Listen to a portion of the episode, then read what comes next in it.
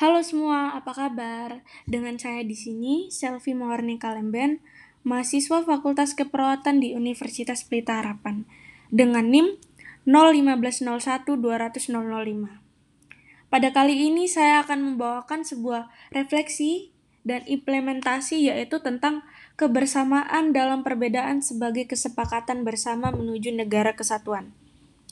Perlu diketahui, negara Indonesia adalah sebuah negara yang terdiri dari beraneka ragam masyarakat, suku bangsa, etnis, kelompok sosial, kepercayaan, agama, dan kebudayaan yang berbeda-beda antara satu dengan lainnya. Itulah budaya Indonesia. Keanekaragaman tersebut merupakan sebuah kekayaan dan aset yang sangat berharga bagi bangsa kita. Contohnya yaitu negara Indonesia merupakan negara kepulauan yang di mana tidak bisa dipisahkan atau dipandang sebelah mata. Keragaman ini dapat dilihat dari segala sisi kebudayaan daerah, etnik, ras, suku, agama, perekonomian, dan masih banyak lagi. Itu semua adalah potensi yang sangat luar biasa.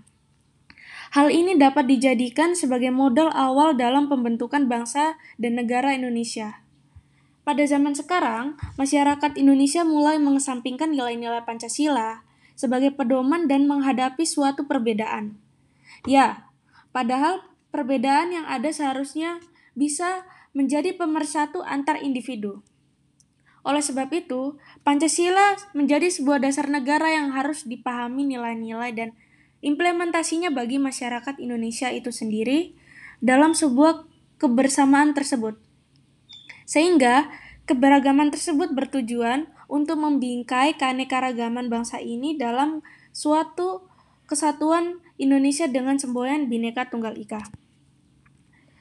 Baik, implementasi bagi diri saya yaitu harus menciptakan kerukunan dan toleransi antar umat beragama dengan membangun keutuhan negara kesatuan Republik Indonesia. Seperti yang kita ketahui, kebersamaan adalah salah satu kunci untuk menjunjung tinggi suatu persatuan di tengah perbedaan. Apalagi di Indonesia sangat banyak sekali perbedaan tersebut. Negara Indonesia sendiri adalah negara yang dikatakan sangat plural, di mana terdiri dari berbagai macam masyarakat, suku, etnis, kelompok sosial, dan sebagainya. Sehingga harus adanya sikap toleransi antara satu dengan lainnya. Perlu diketahui, toleransi berasal dari bahasa Latin yaitu tolerer, yang berarti menahan diri, bersikap sabar, membiarkan orang berpendapat lain, berhati lapang, serta tenggang rasa. Semua pemeluk agama tentunya mempercayai bahwa agama adalah suatu relasi antara dirinya bersama Tuhan. Sehingga bangsa kita harus bisa menerapkan kehidupan sosial dan agama yang damai, harmonis, aman, dan tentram. Bangsa kita berdiri dan merdeka berkat peran-peran serta seluruh komponen masyarakat Indonesia yang berbeda-beda demi saling membahu untuk memerdekakan Indonesia serta menyatukan seluruh komponen masyarakat yang ada. Sehingga hal tersebut menjadi refleksi bagi diri saya dengan mengimplementasikan sikap toleransi untuk saling menghargai satu dengan lainnya. Sebagai bingkai kebersamaan tanpa menghina, dan tidak menghormati. Meskipun beda agama, suku, bahasa, dengan menerapkan implementasi tersebut dapat menerapkan kehidupan yang baik, seperti menciptakan rasa kekeluargaan, rasa kasih sayang satu dengan lainnya, tercipta kedamaian, rasa tenang, dan aman di dalam lingkungan sosial. Sehingga Pancasila sebagai pedoman masyarakat dengan lima sila yang tergandung dalam nilai-nilai Pancasila.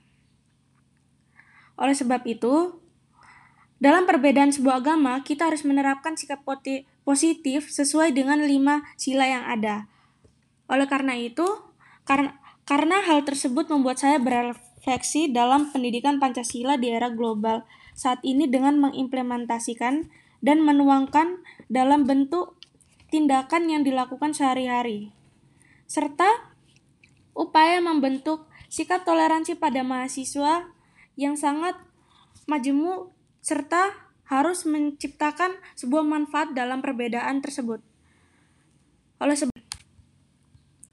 Oleh sebab itu, sehingga refleksi tersebut dapat memberikan dampak implementasi pada diri saya, yaitu untuk mewujudkan sikap toleransi dengan memberikan dampak positif, yakni bertambahnya rasa dan sikap peduli kepada teman dan sesama yang membutuhkan, sikap kebersamaan. Sehingga kita sebagai masyarakat Indonesia harus sangat berbaur satu dengan lainnya dan tidak membeda-bedakan agama, suku, dan bahasa. Oleh sebab itu, mari kita sebagai masyarakat Indonesia haruslah wajib menerapkan kebersamaan dalam perbedaan sebagai kesepakatan bersama menuju negara kesatuan demi negara Indonesia yang sangat khas serta menjunjung tinggi nilai-nilai Pancasila di dalam kehidupan kita. Sekian dari saya. Apabila ada kekurangan, mohon dimaafkan. Terima kasih.